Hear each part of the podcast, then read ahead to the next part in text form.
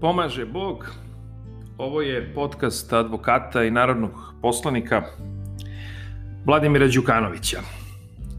Odlučih se da govorim o temi koja e, upravo zbog nepoznavanja određenih pravnih propisa i neke pravne logike često dovodi u zabludu naše građane i to se najčešće dešava u situaciji kada imamo takozvana zastarela potraživanja. Naime, svako ko je polagao ispit iz obligacionog prava, a mora da priznam, to je jedan od najvažnijih ispita na pravnom fakultetu u Beogradu, učio je da se obligacije po nekom svom karakteru dele na takozvane civilne i naturalne obligacije. Vrlo važna podela i podela koja u mnogome, ukoliko je poznemo, može da nam otvori određena vrata, posebno kad imamo tu situaciju sa takozvanim zastarelim potraživanjima. Koja je suštinska razlika između civilnih i naturalnih obligacija? Najpre, civilne obligacije takozvane još potpune, utužive, pravne, sankcionisane obligacije, iz ovoga možete da zaključite već o kakvim se obligacijama radi, to su obligacije koje u slučaju dobrovoljnog neispunjenja mogu da se ostvare sredstvima državne prinude.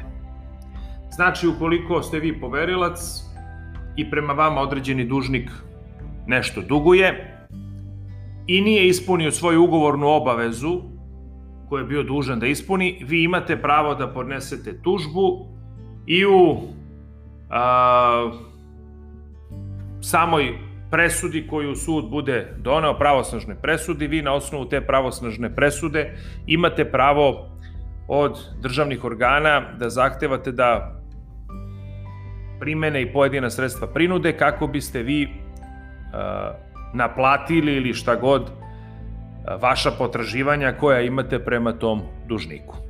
Znači, to je nešto što je sasvim čisto, što je jasno kao dan i svakome je jasno da na taj način može da ostvari neka svoja prava. Problem nastupa kad imamo takozvane prirodne ili naturalne obligacije, a one su nešto što niste dužni da platite, a ako platite ne možete da vratite svoj novac. O čemu se zapravo radi? Naturalne obligacije su one obligacije gde ne možete da ostvarite putem sredstvima državne prinude a, ispunjenje obaveze koja prema vama je postojala, ali opet s druge strane, ako dužnik ispuni tu svoju obavezu prema vama, iako nije bio recimo dužan da ispuni, I ako to učini dobrovoljno pre svega, on kasnije ne može da se uspešno poziva na sticanje bez osnova. Zašto ovo navodimo? Naši građani najčešće dolaze u situaciju da recimo plate zastarela potraživanja, na primer, komunalnim preduzećima, na primer Infostanu, ili elektroprivredi ili već kome, nekom javnom preduzeću. U slučaju da nisu vam stizale nikakve opomene, a vi niste u roku platili to dugovanje, mada se to mora da prizna redko dešava, u principu uvek se šalju opomene, kad vam se šalju opomene onda više nema zastarevanja, počinje sve ponovo da teče. Ali, u slučaju da se dogodilo da niste platili potraživanje, a ono je zastarelo, onda to javno preduzeće konkretno nema pravo da vam traži da prinudno platite to što dugujete. Međutim, ukoliko vi dobrovoljno to platite, u zabludi, u neznanju ili kako god, znači nemate pravo tu da se pozivate niti za bilo kakvu, na bilo kakvu zabludu ili na neznanje, vi ako i saznate da niste bili dužni da platite taj novac, nemate pravo da tražite nazad. I to je klasična takozvana naturalna obligacija. Zašto?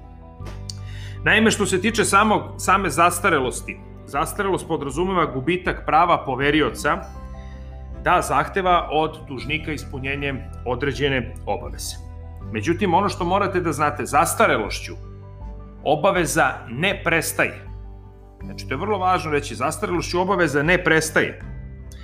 Ona ostaje i dužnik nju može uvek da ispuni. Samo je poverilac izgubio pravo da zahteva da se prinudnim putem naplati. I zato dužnik u toj situaciji koji eventualno ispuni svoju zastarelu obavezu, nema pravo da traži povraćaj tih sredstava nazad. Sud ne pazi na zastarelost po službenoj dužnosti, već je potrebno da se na nju uvek pozove sam dužnik. Znači, to sad što ste vi recimo platili, ne znam, toplanama, grejanje, a bila je zastarela obaveza.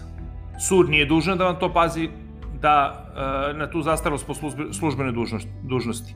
Vi ste dužni da napomenete da je obaveza zastarela. Međutim, ako to niste uradili, pa ste platili i naknadno ste posle saznali da ste platili zastarelu obavezu, nemate pravo da tražite novac.